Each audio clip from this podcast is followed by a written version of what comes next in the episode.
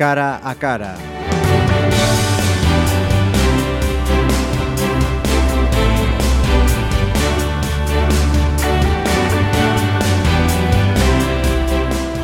Bienvenidos a una nueva edición de Cara a Cara en Pontevedra Viva Radio, un programa en el que esta vez tenemos una invitada especial, toda una campeona olímpica y que además en solo unos días buscará en Río pues también volver a, a tocar la gloria. Tamara Chegoyen, eh, muy buenas, bienvenida. Hola, buenas, ¿qué tal? Son eh, cuatro años trabajando para llegar a este momento en solo unos días, el día 12, eh, debutas en, en Río de Janeiro. ¿Estás nerviosa ya? Eh, bueno, la verdad que aunque parezca imposible, estoy muy, muy, muy relajada porque eh, volví hace apenas siete días de Río y, ya el último día de entrenamiento allí me di cuenta que ya habíamos terminado el ciclo, que ya hemos eh, trabajado muchísimo durante estos tres años y medio, que el examen está preparado y que ahora lo único que nos queda es disfrutar de, esos cinco días de competición y, y, esperando sacar lo mejor de nosotros. Así que tengo las mismas sensaciones que antes de Londres. Eh, es una suerte para nosotras poder estar en los Juegos Olímpicos después de haber cambiado de modalidad. Eh, hemos hecho una temporada excepcional, así que los Juegos Olímpicos son un regalo y espero por lo menos traerme lo que siempre deseé, que es disfrutar de cada día de competición. Claro, que vamos a ponernos un poco en antecedentes. Eh, después de, del éxito tremendo de, del oro olímpico, todo un sueño en, en Londres, la clase en la que competías, el Mass Race de, vela, eh, desaparece del programa olímpico, tienes que buscar una nueva clase para poder eh, pues competir en, en Río, eh, cambias de, barco, cambias de, características, cambias de compañera. Han sido tres años y medio de, mucho, mucho trabajo, ¿no? Sí, fue una triste noticia saber que, que el match race desaparecía, sobre todo porque después de trabajar tres años muy duros en esa clase con mis compañeras y conseguir ese nivel tan alto que te permitía luchar por un oro olímpico, de repente desaparece y te das cuenta que tienes que volver a empezar de cero.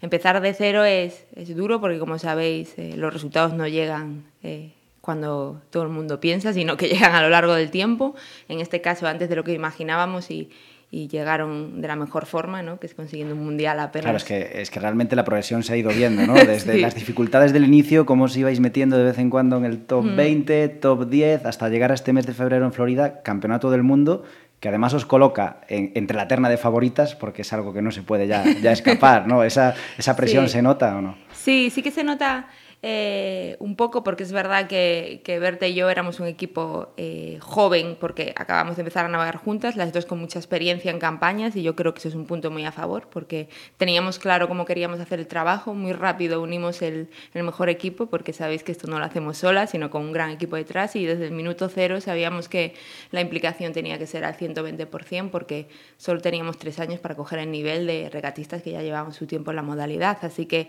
eh, nos pusimos manos a la obra y, y, conscientes de que el tiempo es necesario en esta fórmula del éxito, eh, nos pusimos a trabajar y, y, finalmente lograron esos resultados que lo único que te dan, eh, muchas veces te ponen en la lista de favoritas. Es verdad que Berta y yo, no solo a mi nivel nacional, sino internacionalmente estamos valoradas y nos ponen como posibilidad de medalla, pero somos conscientes de dónde está nuestro nivel y, y que dependiendo de las condiciones eh, eh, tendremos más facilidades o menos. La verdad es que unos juegos es muy difícil y teniendo las condiciones que esperamos o no, eh, vamos a tener que luchar cada segundo y cada metro de la regata si queremos colgarnos una medalla. Ahora habéis entrenado, competido uh, muchísimo ya en estos tres años en la polémica bahía de, de Guanabara. eh, ¿Qué condiciones esperáis en, en, esas regatas? Mira, la verdad es que yo creo que va a ser una sorpresa. Hasta el principio, hasta hace poco se consideraba que iban a ser unos, un, bueno, unos Juegos Olímpicos de muy poco viento, sobre todo dentro de la bahía muy inestable porque es una bahía bastante difícil ¿no? de navegar por la cantidad de relieve que tiene y, y las modificaciones de viento constantes. La realidad es que últimamente está habiendo más viento del esperado eh, y más días. Por lo tanto, yo estoy preparada a que ocurra cualquier cosa y dependiendo de las condiciones, sin lugar a duda, aprovecharlas al máximo, sobre todo en las que nos sentimos eh, mucho más cómodas pero creo que va a ser unos juegos que en la vela va a dar muchas sorpresas porque es verdad que los campos eh, da, están abiertos a todo, van a ser muy peleados en todas las clases y, y en la nuestra sobre todo que, que, en estos últimos meses han demostrado que muchos países tienen opciones claras de medalla. Así que bueno, veremos. Hablas de las condiciones de, de, poco viento y me confesabas eh, pues, eh, hace, hace unos días eh, que precisamente estabas luchando por perder ese kilo que falta, ¿no? es, es necesario afinar hasta el extremo, ¿no? Con esas condiciones. Eh, sí, eh, bueno, Berta y yo, como sabéis, somos las dos muy altas y con respecto al resto de la flota estamos muy por encima del peso. es verdad que, que, el peso es una parte eh, no es todo ¿no? En, en, nuestro deporte, pero sí que creemos que, que, todo lo que no podamos acercar a esa media ¿no? de peso es, es, un punto a favor nuestra, así que estamos haciendo el gran esfuerzo de, de perder peso para Río, pero no estamos obsesionadas, simplemente es un reto más que nos ponemos, así como navegar juntas y, y, todo lo que podamos bajar o todo lo que llevamos bajando, ¿no? porque yo desde Londres creo que perdí como 7 kilos ya, eh, sea para que nos facilite el trabajo en el agua. Eh, creo que es algo que puede ayudar, no estamos totalmente eh, ciegas con eso porque hemos hecho campeonatos de poco viento muy bien entre las cinco primeras, así que realmente hay mucha técnica en medio, no solo el peso, pero bueno, eh, es una cosa que decidimos y creemos que cuanto más cerca estemos de las demás, pues más cerramos ese hueco. Citaba antes la, eh, bahía de, de, Guanabara, esa bahía que en mm, los últimos meses ha salido mucho a la palestra por la alta contaminación, por los problemas con los deportistas, pero es algo que lleváis sufriendo ya pues, estos años ¿no? que habéis competido allí. ¿Cómo, cómo lo ves? ¿Cómo es esa situación? Mira, eh, creo que estamos aclimatadas y no sé si eso es bueno o malo. Es verdad que Berta y yo llevamos ya tres años entrenando en la bahía, cada año íbamos un mes o así a, conocer estas aguas. Como, como sabéis, la vela es un deporte que depende tanto de los factores externos que cuanto más los conoces, menos dejas al azar, ¿no? digamos. Y desde el primer día que estamos allí hemos eh, eh, denunciado y hemos ah, hablado sobre las condiciones del agua porque no es solo los residuos que te puedes encontrar, que es lo que más está saliendo ¿no? ahora a la palestra, ¿no? Si, si, si los cadáveres de los animales y la basura, sino que realmente el agua está infectada. Y estamos navegando en, en agua que tiene bacterias que pueden ser dañinas para nuestra salud. La verdad es que Berta y yo no estamos preocupadas por eso. Ya llevamos tres años navegando, ya nos hemos concienciado que esos son los campos, el campo de regatas donde nos vamos a jugar las medallas y hemos conseguido estar en los Juegos Olímpicos, que es muy difícil, y, y lo que intentamos es que por lo menos eh, tomar todas las precauciones e eh, intentar estar muy atentas en el campo de regatas para no solo no caer enfermas, sino que ningún tipo de residuo pueda eh, estropear. cuanto menos resulta cómico las recomendaciones de, de las autoridades, del COI y demás, diciendo que, que, cerréis la boca, que no traguéis agua, ¿no? Sí, es, es, muy simpático. Yo me lo tomo a risa porque creo que ya llevo litros y litros bebidos de la bahía, porque sobre todo en nuestra modalidad es muy difícil no, no mojarse y estamos todo el día en el agua, la, el agua nos salpica y es verdad que tomamos medidas que nos solemos tomar porque es las aguas más contaminadas las que hemos navegado, pero eh, ya es demasiado tarde para tomar, no sé, me parece que es como a tres días de los Juegos no puedes crear esa polémica porque no va a ayudar a nadie y eso tendrías que haberlo eh, creado mucho antes para conseguir una solución. Ahora no hay solución, los Juegos van a ser la Bahía de Guanabara y esperemos que salgan bien. De hecho, los deportistas se lo habéis planteado porque en otras competiciones pues sí hubo incluso hospitalizaciones, ¿no? Sí, el año pasado hubo casi tres regatistas que, que tuvieron que hospitalizarse por, por una infección estomacal y, hubo uno que alemán que al llegar a Alemania tuvo que ser ingresado por, porque se le infectó una herida y, tuvieron que operarlo porque tenía la infección en toda la sangre. O sea, son cosas eh, preocupantes y, que ya han pasado hace un año, hace dos y, que han intentado taparlo. Eh, no sé exactamente quién porque no, no es, ese no es mi trabajo averiguarlo, pero sí que es verdad que tres días antes de los Juegos o cinco podemos crear toda la polémica, pero sería como ya tapar un poco eh, ¿no? la espectacularidad de los mm. Juegos que van a empezar en tres días. Tú ves ahora eh, tan cerca ya que está, ¿no? Eh, ¿Ves a Brasil preparado para organizar todo esto?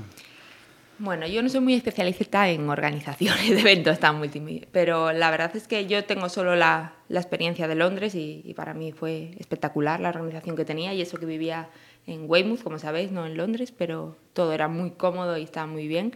Eh, Río no va a ser tan cómodo, eh, seguramente por las circunstancias que, que tiene la, la, ciudad y bueno, eh, yo aún no he llegado allí a la Marina, sobre todo. Eh, Berta y yo no dormiremos en la villa, sino en un hotel cerca de la Marina, porque la villa está muy lejos.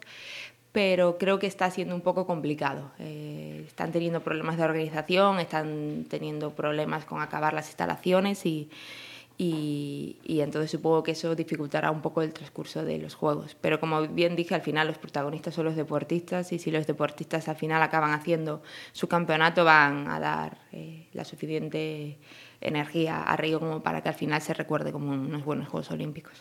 ¿Y te preocupa la, la, seguridad? Porque mm, recordando, por ejemplo, el caso de otro pontevedrés como Fernando Chavarri, miembro del equipo de vela, que fue atracado mientras ah. entrenaba allí, bueno, es, es realmente... Yo llamativo. realmente no me preocupa, no he tenido ningún problema, llevo tres años yendo a Río y, es verdad que adaptas un poco la mentalidad y te mueves diferente que en Europa y, consigues moverte para evitar ¿no? esos sustos.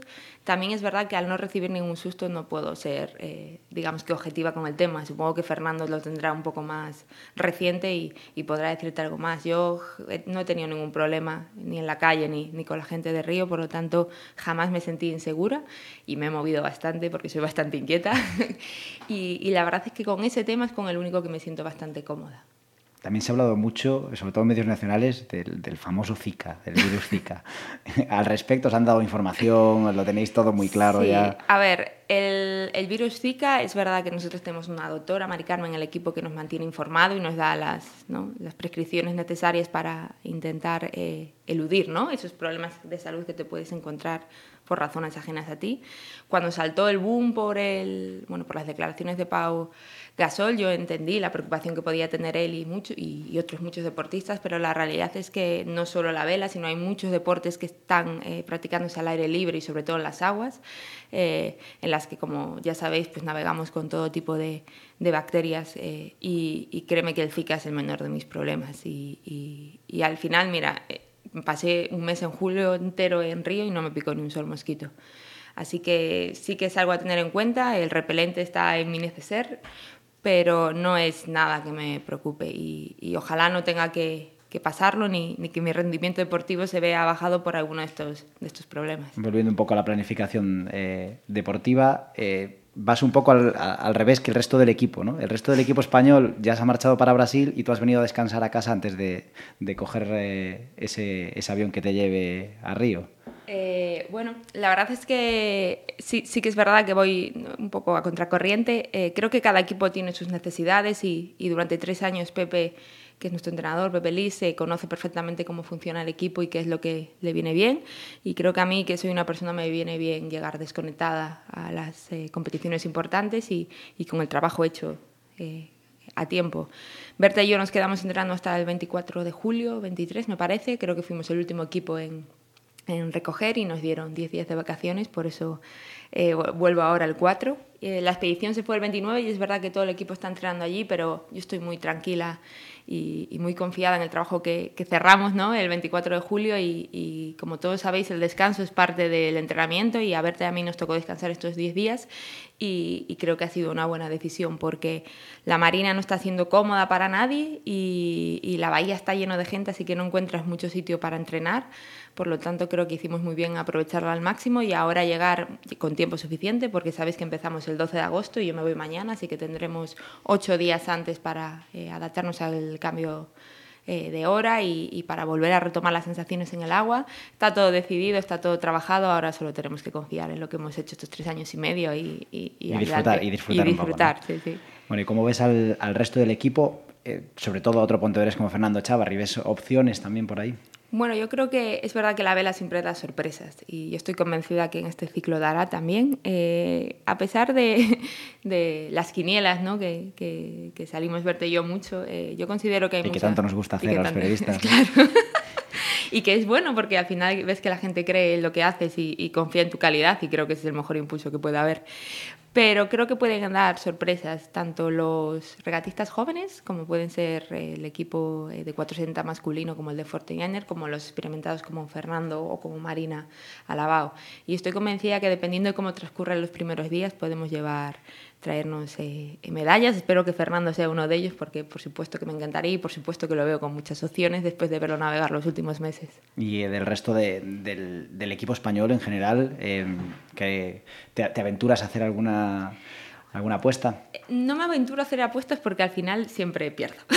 Pero es verdad que siempre es como, no puedes hacerle mucho caso. Es buena cifra tener en cuenta los resultados anteriores, pero fíjate, ¿no? en el caso de de nuestro equipo ¿no? en Londres. Al final los Juegos Olímpicos es una competición muy especial y muy diferente a los demás. Y suceden cosas que, que la gente no se espera. Así que yo confío mucho en la calidad de, de, todos los miembros del equipo y estoy convencido de que si no medallas caerán muchos diplomas y, y, y espero poder verlo.